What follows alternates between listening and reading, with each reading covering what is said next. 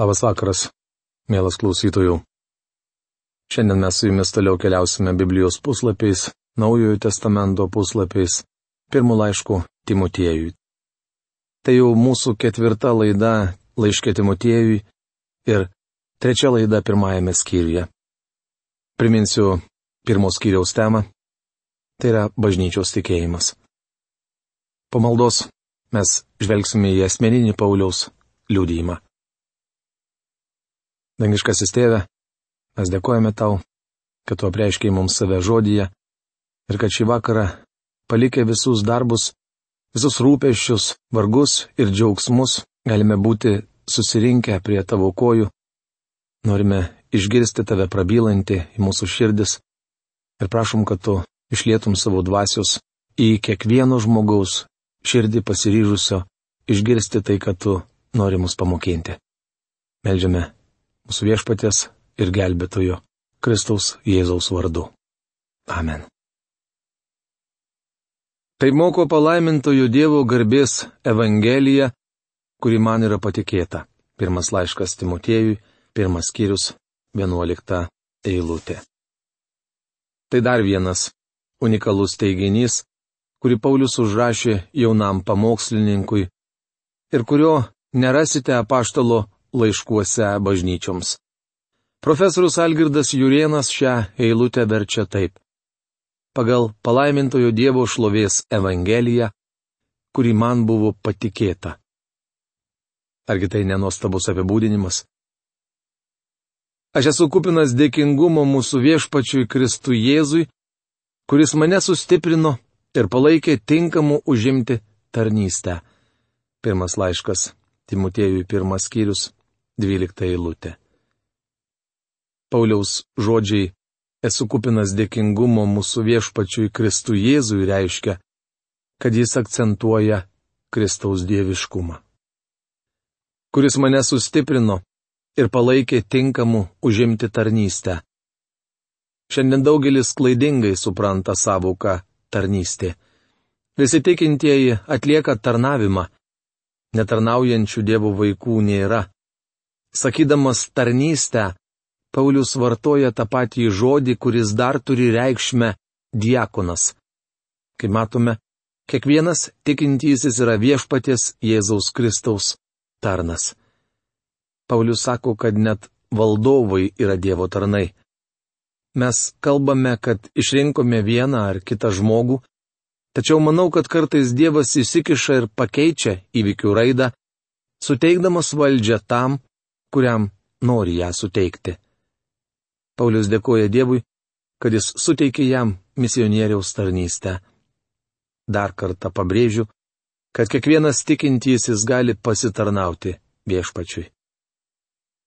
Nors anksčiau esu buvęs pikžodžiautojas, persekiotojas ir smurtininkas. Manęs buvo pasigailėta, nes taip elgiausi dėl neišmanimo ir netikėjimo.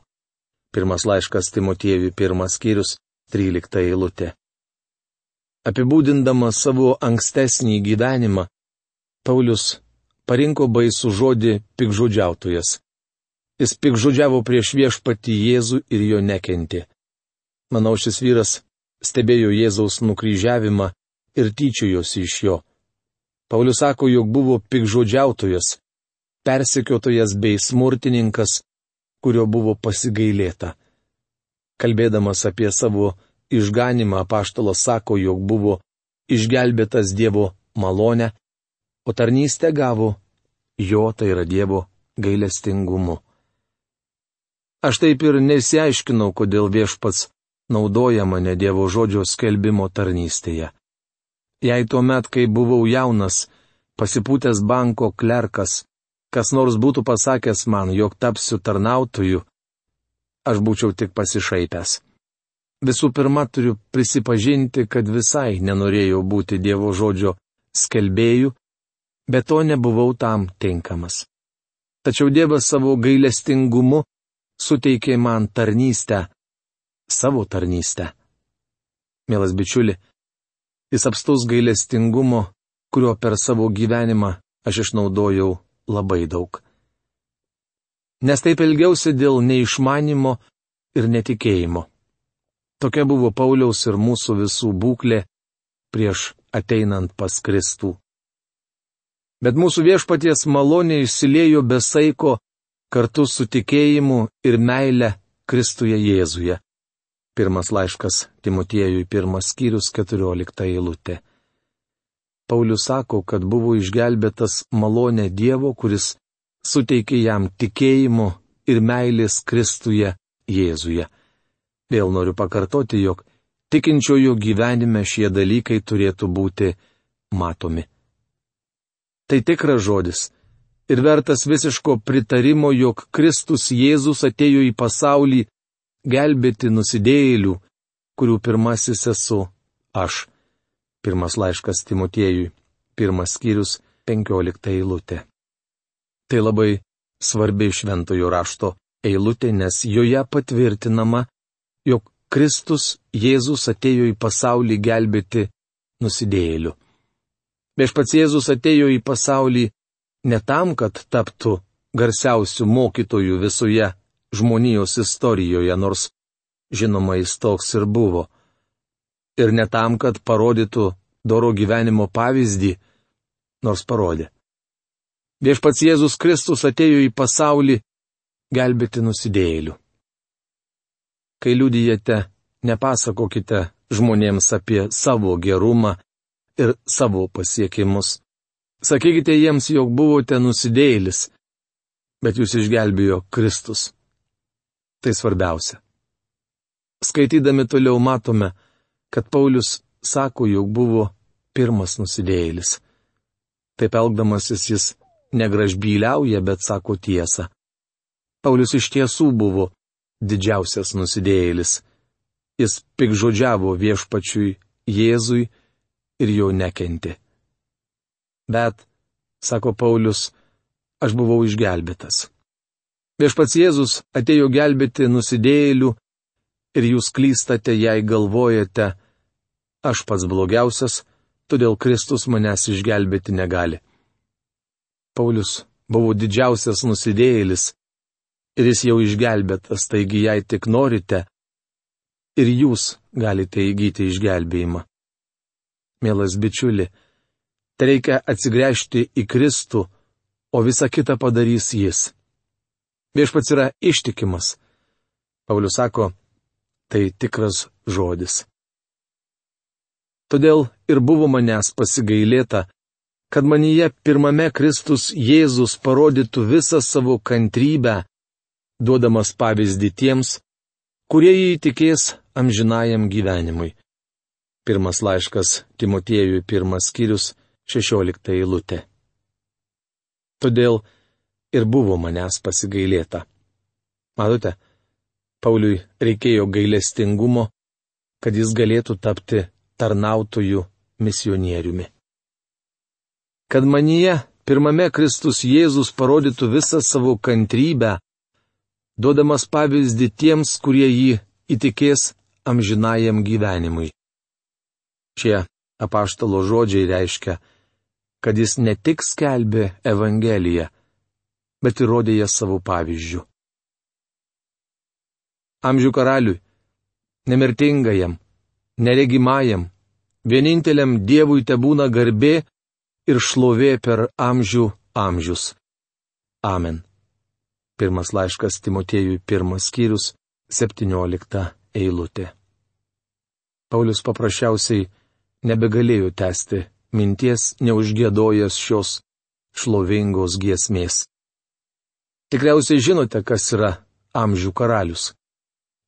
Tiems, kurie nežino, pasakysiu, jog tai viešpats Jėzus Kristus. O jis, kaip prašo apaštalas Paulius, yra vienintelis Dievas. Taigi iš šios eilutės akivaizdu, kad Paulius mokė, jog viešpats Jėzus yra Dievas. Kaip matome, apaštalas laikė jį kūnę apsireiškusiu Dievu. Perspėjimas Timotiejui. Šitos pamokymus aš perduosiu tau, sunau Timotiejų pagal ankstesnės pranašystės apie tave, kad jų stiprinamas kovotum gerą kovą. Pirmas laiškas Timotiejui, pirmas skyrius, 18 eilutė. Šiuos pamokymus aš perduosiu tau, sūnau Timotiejų. Nors šiame praktiškame laiške Timotiejui apaštalas kalba apie vietinę bažnyčią ir jaunojo pamokslininko pareigas, jame taip pat atsiskleidžia nuostabus asmeniniai Pauliaus ir Timotiejaus santykiai. Eilutėje, kurią ką tik skaitėme, užrašytas asmeninis apaštalo paraginimas jaunam tarnautojui. Kreipinys Sūnau Timotiejau reiškia, kad Timotiejus buvo dvasinis Pauliaus sūnus. Jau minėjau, kad apaštalas buvo atvedęs jį pas Kristų. Pagal ankstesnės pranašystės apie tave. Kaip žinote, Paulius pasižymėjo dvasinę išvalgą. Manau, kad Dievas paskatino jį pasiimti šį jaunuolį su savimi ir paskirti jį ankstyvosios bažnyčios vadovu. Kad jų stiprinamas kovotum gerą kovą. Neturėtumėte stoti į mušį, jei nesate užsidegęs, neturite rimto pagrindo kovai ar neketinate laimėti. Timotiejus, kaip ir kiekvienas krikščionis, turėjo rimtą priešą. Jis kovojo dvasinę kovą. Paulius norėjo, kad šis jaunas vyras kovotų gerą kovą ir jo tikėjimo laivas nesuduštų, kai buvo atsitikę kitiems. Išlaikytum tikėjimą ir gerą sąžinę, jos atsižadėjus, kai kurių tikėjimo laivas sudužo. Pirmas laiškas Timotiejui, Pirmas skyrius, 19 eilutė. Kai kurie žmonės regis stengiasi įtikinti pasaulį, jog gyventi krikščioniškai labai paprasta. Tai kur kas sudėtingiau nei vadovauti šviesoforo signalais, degant žaliai šviesai eiti, o užsidegus raudonam signalui stovėti. Mes esame sudėtingos asmenybės Ir Paulius sako, jog mums grėsia nepastovumas ir nesėkmės. Manau, kad gyvenimo problemos užklumpa ir jūs. Kai kuriems krikščionims atrodo, kad jie gyvena padebesiuose. Vaikščiodami savo miestų gatvėmis, kasdien sutikdami širkščių žmonių ir susidurdami su pasaulio problemomis, matome savo nepastovumą ir nesėkmes. Tuomet kyla pavojus manipuliuoti savo tikėjimu. Vienas mano pažįstamas grįžo iš misijos ir ėmėsi gana įprasto darbo. Jis sakė, viešpats mane taip veda.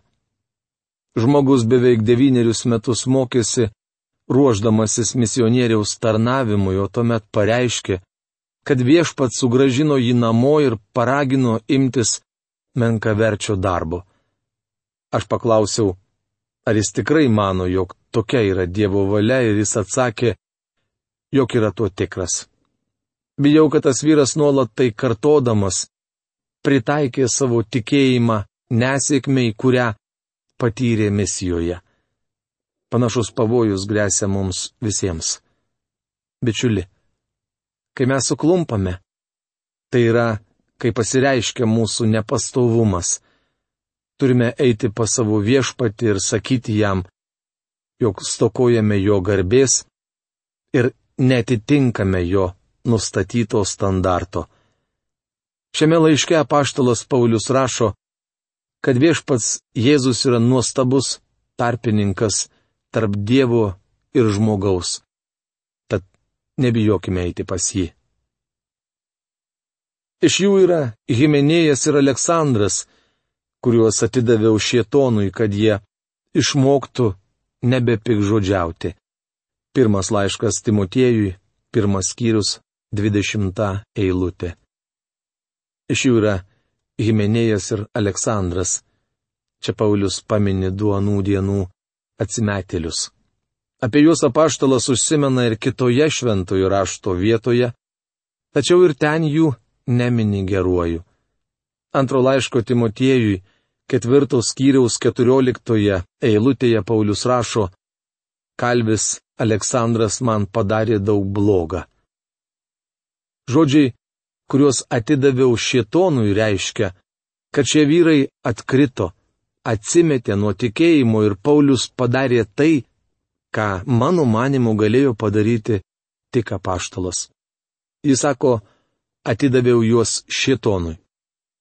Šio veiksmo negalime lyginti su nūdienos bažnytinė disciplina ar ekskomunikacija. Paulius naudojasi savo prerogatyvą ir apaštalo padėtimi. Šios vyrus jis atidavė šietonui. Panašus atvejis paminėtas pirmame laiške korintiečiams, kur Paulius prašo. Bent aš, nebūdamas pas jūs kūnu, tačiau būdamas dvasia, jau nuteisiau, lik būdamas tarp jūsų tą nusikaltimą padariusį. Susirinkę draugien, viešpatės Jėzaus vardu su mano dvasia ir mūsų viešpatės Jėzaus galybę, atiduokite tokį šėtonui, kad sužlugdytų kūną, o dvasia būtų išgelbėta viešpaties teismo dienai. Tai pirmas laiškas korintiečiams, penktas skyrius, trečia, penkta eilutės. Šią galę turėjo apaštalai. Mes jos neturime. Šiandien mes su jumis neturime teisės atiduoti žmogaus šietonui, tačiau apaštalai tokią teisę turėjo. Jie naudojosi ir Petras. Manau, jei galėtume pasišnekėti su Ananiju ir Safyra, ši pora papasakotų mums apie apaštališką Petro galę. Priminsiu, kad Ananijo ir Safyros istorija aprašyta Apaštalų darbų knygoje, penktame skyriuje nuo pirmos iki vienuoliktos eilutės. Pirmas laiškas Timotiejui, antras skyrius. Tema - vieša malda ir moters vieta bažnyčiuje. Vieša malda. Vieša malda yra malda už visuomenę ir vyresnybę. Taigi pirmiausia raginu maldauti, melstis, užtarti ir dėkoti už visus žmonės, už karalius ir visus vyresnybėje esančius, įdant galėtume tyliai ir ramiai gyventi visokiojopai maldingą ir gerbtiną gyvenimą. Pirmas laiškas Timotiejui, antras skyrius, pirma, antra eilutės. Paulius sako, jog krikščionys turi melstis už vyresnybę. Kiek suprantu, čia kalbama apie maldas bažnyčioje. Vadinasi, respublikonai turi melstis už demokratus, o demokratai už respublikonus.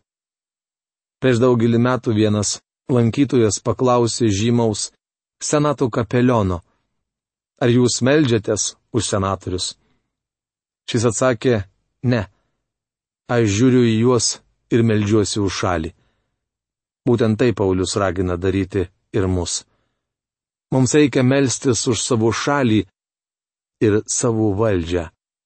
Jei esate kairysis, o valdžioje dešinieji, melskitės už juos.